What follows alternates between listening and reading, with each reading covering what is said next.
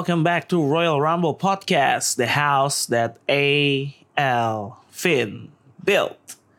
Hari ini gue Alvin sendirian, um, tidak bersama dengan Randy. Kemarin gue mengumumkan di Instagram Royal Rumble ID bahwa tayangnya Royal Rumble Podcast edisi ini akan telat satu hari karena gue dan Randy nggak bisa take di hari Jumat dan rencananya akan take hari Sabtu. Tapi ternyata ada hal mendadak yang menyebabkan Randy nggak bisa take juga hari ini. Jadi ya here we go, gue sendirian. Dan pembahasan hari ini nggak akan terlalu banyak karena fokus pembahasan gue mungkin cuma akan beberapa hal aja. Yang pertama adalah mengenai wild card rule. Wild card rule diperkenalkan oleh Vince McMahon di edisi Raw Senin kemarin. Uh, Senin waktu US ya, kalau di kita itu Selasa pagi. Ya. Dan ini menimbulkan pro dan kontra. Ini sudah diperdebatkan oleh begitu banyak fans di berbagai platform sosial media.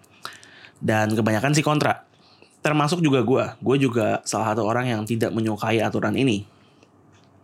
Karena ya brand splitnya buat apa? Buat apa dipisah jadi dua brand kalau kalau ya akhirnya ada beberapa orang yang bisa pindah seenak jidatnya aja gitu. Kayak di Raw kemarin adalah kemunculan Roman Reigns yang menyebabkan Vince McMahon tiba-tiba mendapatkan ide brilian. Ya, di storyline diceritain gitu. Jadi Vince tiba-tiba kepikiran gitu, ya gimana kalau kita memperkenalkan aturan wild card. Dan itu semua karena kemunculan Roman Reigns di Raw. Setelah Roman ada uh, Daniel Bryan, ada Kofi Kingston yang juga muncul di Raw dan ini menyebabkan satu hal yang cukup aneh menurut gue karena di Raw main event Raw pada hari itu adalah Daniel Bryan dan Kofi Kingston rematch WrestleMania yang mana adalah dua superstar SmackDown. Jadi dua superstar SmackDown main event WrestleMania, eh main event Raw itu hal yang aneh. Dan Roman Reigns juga sama, ada keanehan lagi. Dia superstar SmackDown sekarang muncul di Raw seperti yang dia janjikan di Twitter dia benar-benar muncul di Raw, diberikan salah satu orang yang memegang wildcard rule, tapi di SmackDown besoknya dia nggak muncul sama sekali. Ya ini kan ah gimana ya, lu superstar SmackDown muncul di Raw tapi di show lu sendiri lu nggak muncul. Sementara yang dari Raw yang megang wildcardnya adalah AJ Styles, ada Sami Zayn, dan ada The Usos. Kalau AJ Styles mungkin dapat gue mengerti ya karena eh seperti tadi di awal tagline AJ Styles yang gue colong. SmackDown Live is the house that AJ Styles built. Jadi nggak heran kalau dia salah satu dari tiga orang yang memegang wildcard agar dia bisa kembali ke dalam tanda petik rumahnya. Kemudian ada The Usos. The Usos juga merupakan salah satu pilihan yang menurutku cukup tepat karena mereka patut diakui merupakan salah satu tag team bersama dengan New Day yang membangun kredibilitas dari SmackDown Tag Team Championship. Um, dan nggak mengherankan kalau The Usos diberikan wildcard untuk um, untuk kurang lebih apa ya menghidupkan lagi lah tag team divisionnya SmackDown yang ditinggal oleh The Hardy Boys. Hardy Boys cedera dan sekarang tag team divisionnya SmackDown itu tipis banget. Uh, nyaris nggak ada tag team top yang bisa dibilang apa ya bisa dibilang mampu mengelevasi lagi gelar tag team championship ini dan lawan mereka nanti juga nggak ada. Jadi make sense sih kalau The Usos yang dipindahkan. Nah satu lagi yang menarik adalah adalah Sami Zayn. Sami Zayn yang baru kembali dari cedera sekitar satu bulan. Dan dia baru memiliki match satu kali kok nggak salah ya. Pas ngelawan Finn Balor di minggu pertama dia kembali. Dan belum memiliki match lagi. Dan ini merupakan sebuah pilihan yang menarik. Kenapa Sami Zayn yang akan diberikan eh yang sudah diberikan wildcard um, apakah ini karena dia promo-promo yang dia lakukan sebagai heel kemarin cukup menarik cukup bisa mengangkat reaksi penonton atau ada faktor lain ya gue nggak tahu. Tapi menarik sih kenapa Sami Zayn gue nggak expect sama sekali. Tadinya gue pikir mungkin ya Drew McIntyre atau atau um, Braun Strowman mungkin.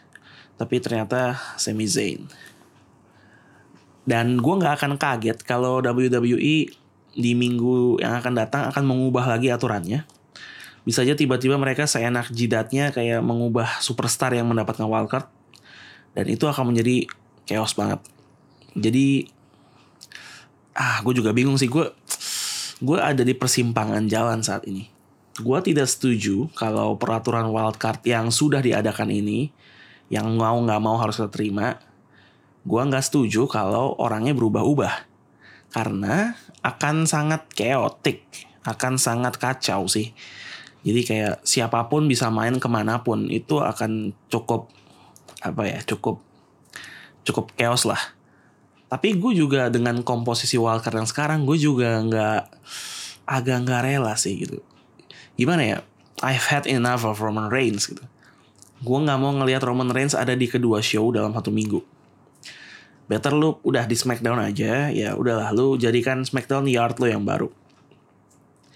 Um, dan Sami Zayn kenapa dia ada di dua brand dengan status saat, saat ini yang gue ngerasa dia masih seorang mid carder aja gitu, nggak nggak bener-bener top.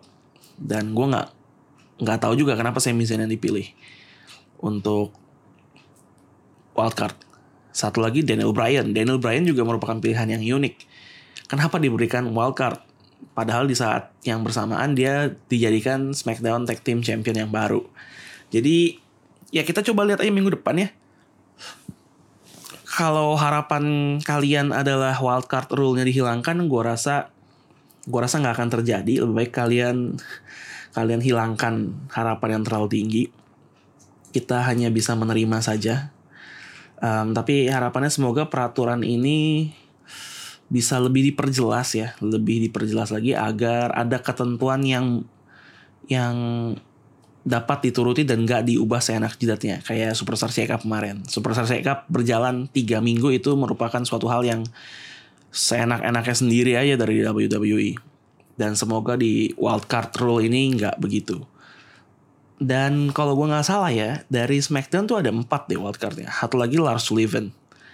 Walaupun Lars Sullivan nggak benar-benar bertanding, tapi kayaknya dia memang pegang wildcard, makanya dia ada di Raw kemarin. Dari Raw, ya sebenarnya empat sih, kan The Usos dua orang ya. Tapi itu kan biasanya tag team dihitung sebagai satu, jadi jadi gue hitung tetap tiga. Dan ya yeah, we'll see, we'll see uh, berbicara soal wildcard tadi gue udah singgung mengenai Daniel Bryan yang dijadikan SmackDown Tag Team Champion bersama dengan Rowan yang tadinya akan diberikan saja title itu kepada mereka oleh Shane McMahon tapi kemudian diinterupsi oleh The Usos setelah melalui sebuah match yang gue cukup surprise The Usos kalah clean gue nggak expect mereka menang tapi gue cukup surprise mereka kalahnya cukup clean dan ya para eco-friendly guys kita menjadi the new SmackDown Tag Team Champion Daniel Bryan dan Rowan.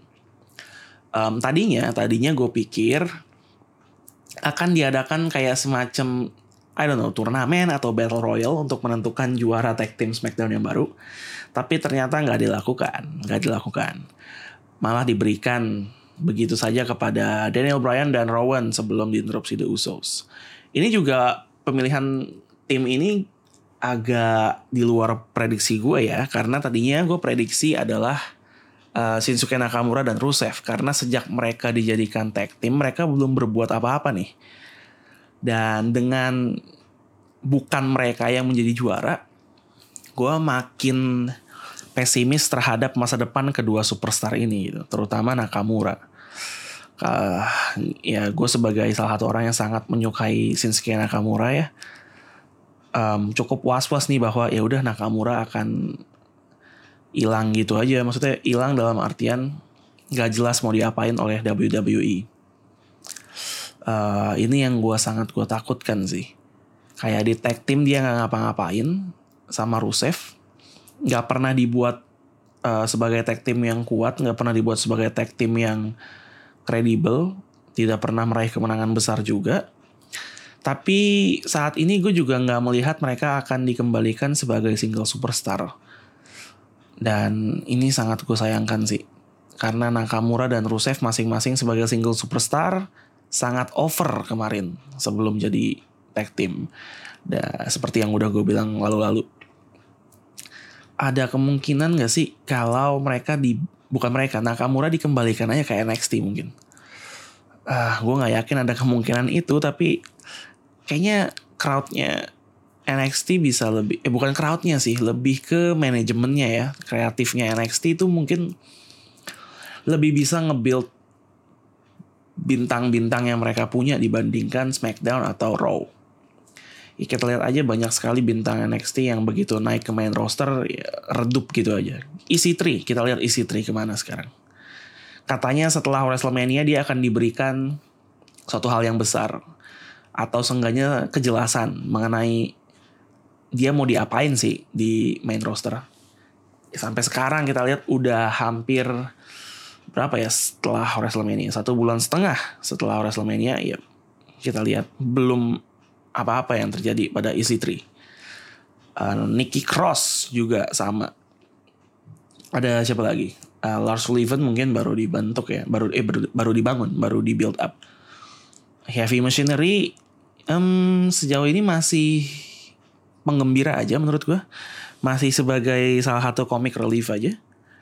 Dan paling yang cukup dipus adalah Lacey Evans. Cuma Lacey Evans aja sih kayaknya yang langsung mendapatkan opportunity menantang Becky Lynch untuk Raw Women Championship.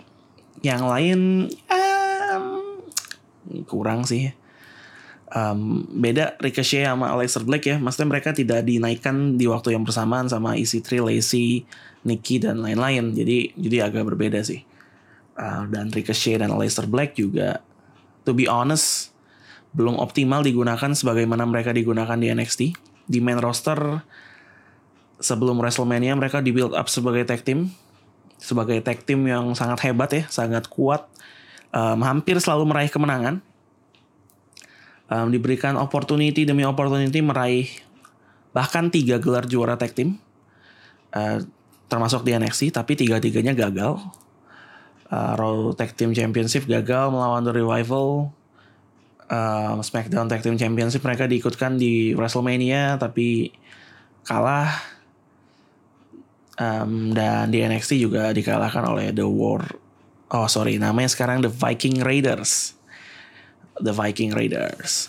Kemudian di main roster mereka dipindahkan ke Raw eh, setelah Superstar Shakeup sebagai masih sebagai tag team tapi seminggu kemudian ada keputusan yang cukup aneh di mana Leicester Black ditarik ke SmackDown. Jadi mereka saat ini dipisah, terpisah um, sebagai single superstar. Ini menjadi meaningless aja sih run mereka sebagai tag team sebelum WrestleMania kemarin.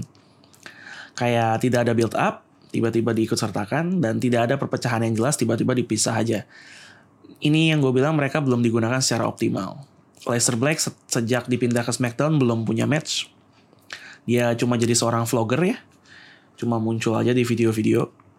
Sementara Ricochet uh, memiliki beberapa match yang masih fluktuatif performanya. Sempat kalah dari Robert Robert Root Robert Root sekarang. Asuh susah ya enakan Bobby Roode sebenarnya. Ya Robert Roode walaupun kemarin nah di minggu ini dia melakukan revans berhasil meraih kemenangan balik lawan Robert dan diikut sertakan di Money in the Bank ladder match.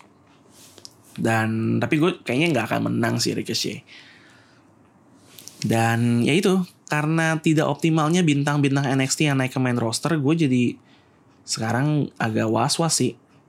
Kalau ada bintang NXT yang mau dipanggil naik mending mereka tetap di NXT aja gitu kayak. Lebih digunakan secara optimal. Dan ini juga yang menjadi dasar gue kenapa nggak beberapa bintang di main roster yang sudah terlalu padat ini dikembalikan aja ke NXT gitu. Kalau mereka kalau WWE belum tahu mau ngapain dengan mereka di main roster lebih baik dikembalikan di NXT biar mereka punya punya screen time yang cukup gitu dan di build up kembali sebagai superstar yang kredibel dan nanti ketika waktunya sudah tepat dan punya rencana yang tepat untuk mereka ya dipanggil lagi aja ke main roster. Salah satunya yang gue harap mendapat perlakuan itu adalah Shinsuke Nakamura. Karena dia punya potensi sebagai juara yang sangat entertaining dan itu disia-siakan oleh WWE. Um, dan ya itu, Nakamura dan Rusev tadinya gue pikir akan menjadi juara tag team ternyata bukan mereka. Dan sejujurnya gue nggak melihat ada tim lain memang yang berpotensi dijadikan juara menggantikan The Hardy Boys yang harus menyerahkan gelar juaranya karena cedera. Tapi ternyata Daniel Bryan dan Rowan uh, dengan kesembuhan Daniel Bryan yang tiba-tiba muncul lagi yang dijadikan sebagai juara. Uh, untuk penantang mereka gue nggak kepikiran siapa sih sebenarnya. Heavy Machinery seperti yang dulu gue udah obrol sama Randy, kita merasa mereka belum belum belum siap sebagai top tag team. B team apalagi. Uh, B team tuh sekarang di mana sih? Di Raw ya? Di Raw apa SmackDown sih? Oh di di di di SmackDown saya ingat gue ya. B team ada B team ada ada siapa lagi di sana? Gallows and Anderson tadinya di SmackDown tapi dipindahkan ke Raw. Nah ini juga cukup aneh. Udah divisi tag teamnya sepi, lu pindahin satu tag team ke Raw. Ini cukup aneh sih. Ya ya, ya gue nggak ngelihat siapa yang jadi penantang pertama untuk DB dan Rowan sih sebenarnya. Jadi kita lihat aja what's WWE have in store for them. Um, dan ya gue nggak bisa komentar lebih banyak lagi sih. Karena bener-bener sedikit sekali jumlah tag team di SmackDown. Ya kita beralih ke pembahasan lainnya. Pembahasan lainnya yaitu gue mau bahas mengenai sedikit mengenai Money in the Bank ya dan match-match yang ada di Money in the Bank. Um, di mana Samoa Joe di sudah dikonfirmasi akan mempertahankan gelar juaranya melawan Rey Mysterio di Money in the Bank. Dan gue nggak tahu kenapa gue punya feeling Rey Mysterio bisa bisa meraih kemenangan di sini. Walaupun uh, opsi paling logical adalah Samoa Joe tetap retain. Karena kalau Joe kalah di MITB titlenya hilang kredibilitasnya sebagai Samoan Destroyer akan sangat sangat hancur sih akan sangat rusak um, di mana dia akan di brand sebagai orang yang selalu kalah di momen-momen besar. Dan ini akan mengurangi kredibilitas Samoa Joe sebagai top heel. Dan Ray juga udah tua ya udah udah sangat veteran. Sudah saatnya bagi dia uh, put over the young guys, younger guys at least dari dia, dan dia tidak memerlukan title lagi karena statusnya sebagai future WWE Hall of Famer sih udah udah written in the stone, tidak perlu lagi. Jadi gue harap WWE tidak mengambil keputusan yang mengejutkan ya. Eh, gue suka kejutan, gue suka kejutan, gue suka match yang unpredictable hasilnya juga. Tapi gue lebih suka match yang dalam tanda kutip tepat tepat dalam artian pemenangnya tepat. Dan di skenario ini yang paling tepat adalah bagi Samoa Joe untuk tetap menjadi United States Champion. Um, apalagi ya di Money in the Bank ada Shane lawan Miz yang gue bilang harus berakhir dengan kemenangan Miz ya, itu harus. Kemudian ada apa lagi ya? Ada banyak sih tapi main fokusnya tentu saja ada di dua Money in the Bank match. Prediksi gue kemarin gue udah sempet bilang yang versi cowoknya gue pegang Drew McIntyre.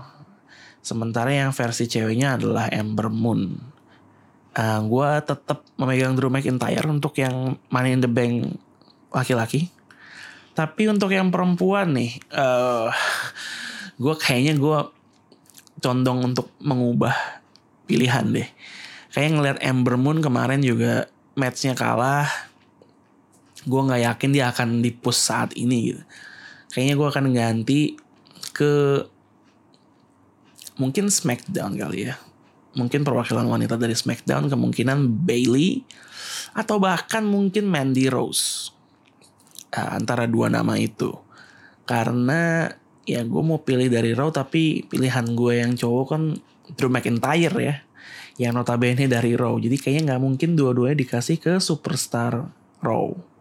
Kayaknya, kayaknya. Tapi di Royal Rumble 2 tahun lalu juga yang menang dua-duanya superstar SmackDown sih. Nakamura sama Asuka. Jadi nggak menutup kemungkinan. Tapi untuk saat ini gue pilih satu dari Raw, satu dari SmackDown. Untuk cowoknya tetap Drew McIntyre. Untuk ceweknya antara Bailey atau Mandy Rose mungkin di edisi yang akan datang uh, yaitu beberapa hari sebelum Money in the Bank gue akan battle prediction lagi sama Randy dan di saat itu gue akan menentukan salah satu nama antara Bailey atau Mandy Rose. Um, terakhir yang mau gue bahas sih kayaknya um, pemberian title match yang kurang tepat ya kepada AJ Styles dan Sami Zayn.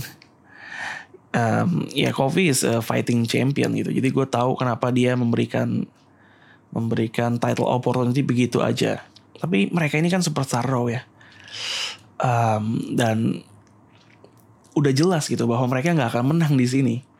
Kalau mereka menang ini akan sangat kacau sih, akan sangat kondisinya akan sangat chaos. Dan jadi ketika match itu dilangsungkan di main event, main event SmackDown Live, matchnya bagus. Um, ya kita tahu Kofi, AJ, Sami semuanya tiga-tiganya adalah wrestler yang sangat luar biasa. Dan gue udah yakin dari awal bahwa matchnya nggak akan mengecewakan. Tapi ya itu, kita udah tahu Kofi nggak akan drop title-nya jadi agak agak kayak semacam filler aja. Dan ya wild card rule ini sekali lagi gue nggak ngerti kenapa bisa bisanya diadakan seperti ini. Ini karena rating ya karena rating yang sangat buruk.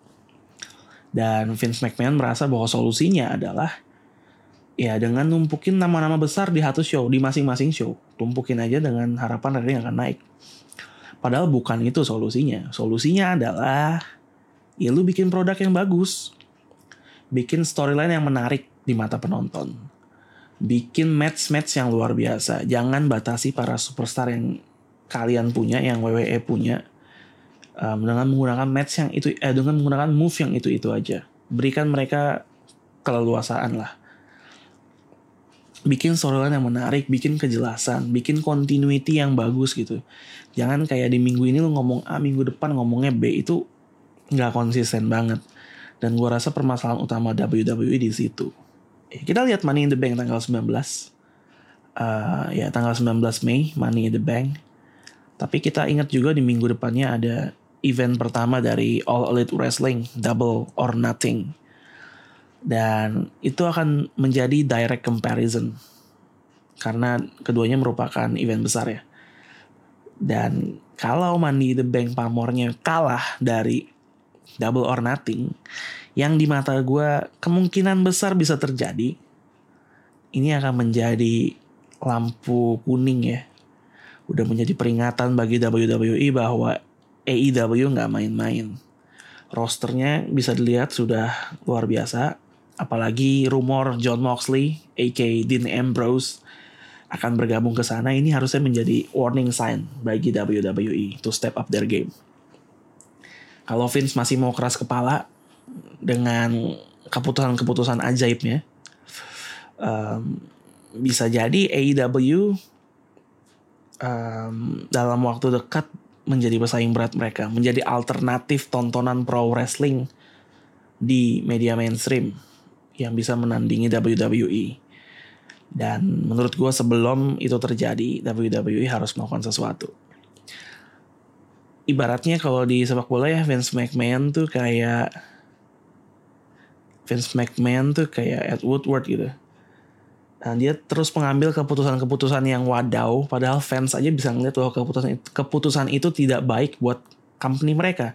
Uh, WWE dalam kasus Vince dan Manchester United dalam kasus Ed Woodward. Keputusan yang mereka ambil tidak tepat, kurang tepat, tidak bisa memenuhi kebutuhan dari company mereka masing-masing, tapi mereka keras kepala. Jadi itu.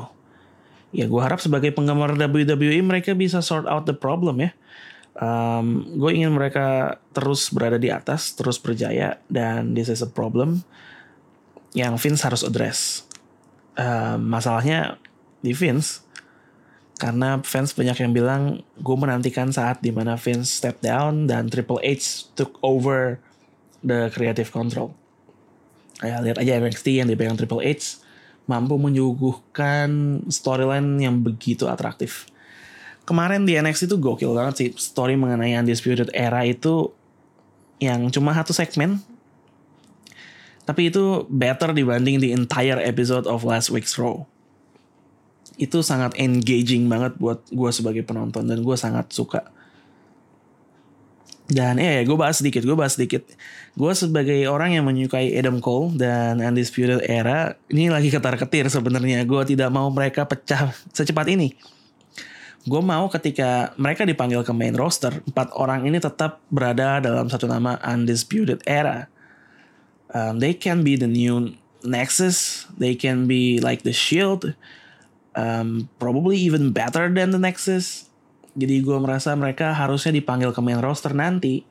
Adam Cole, Roderick Strong, Bobby Fish, dan Kyle O'Reilly sebagai undisputed era.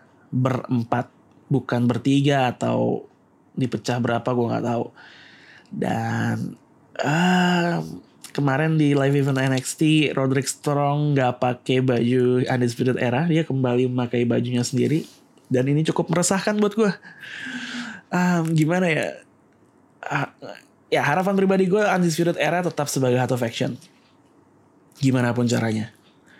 Um, di main roster mereka harus punya run 1 sampai 3 tahun. Uh, enggak jangan satu lah, 2, 2 atau 3 tahun sebagai Undisputed Era, sebagai faction yang dominan.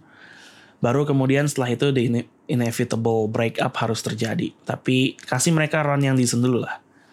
Um, tapi andai kata mereka harus pecah sekarang ya. Um, entah kenapa skenario nya kayaknya kayaknya ya yang pergi tuh bukan Roderick Strong deh tapi kayaknya Adam Cole. Kayaknya nih kayaknya feeling gue gitu. Ya mungkin aja Bobby Fish sama Kyle O'Reilly nya udah gerah juga sama Adam Cole ya. Yang diberikan kesempatan sebagai pemimpin diberikan match uh, title match demi title match tapi nggak menang-menang mungkin mereka gerah dan itu mungkin sedikit terlihat di segmen itu ya di mana uh, Fish sama O'Reilly mencoba meyakinkan Cole bahwa keputusan lo ini ribut sama Roderick Strong ini nggak tepat, nggak baik untuk Undisputed Era.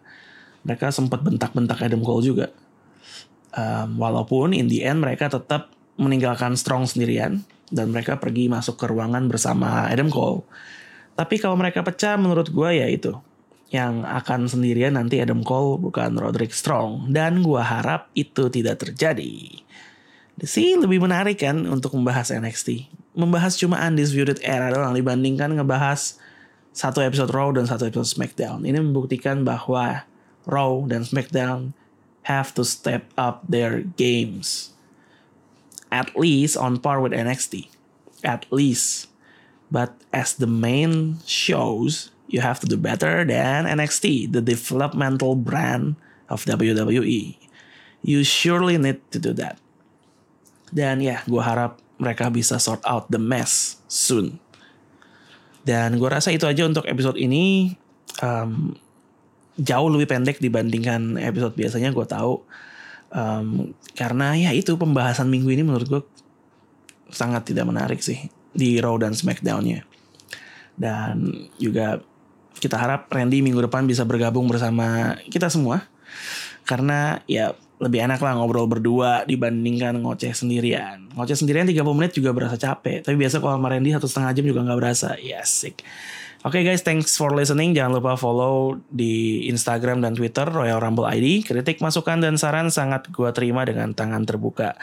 Jadi terima kasih sekali lagi mendengarkan Royal Rumble Podcast episode terbaru. I will see you guys on the next week. Bye-bye.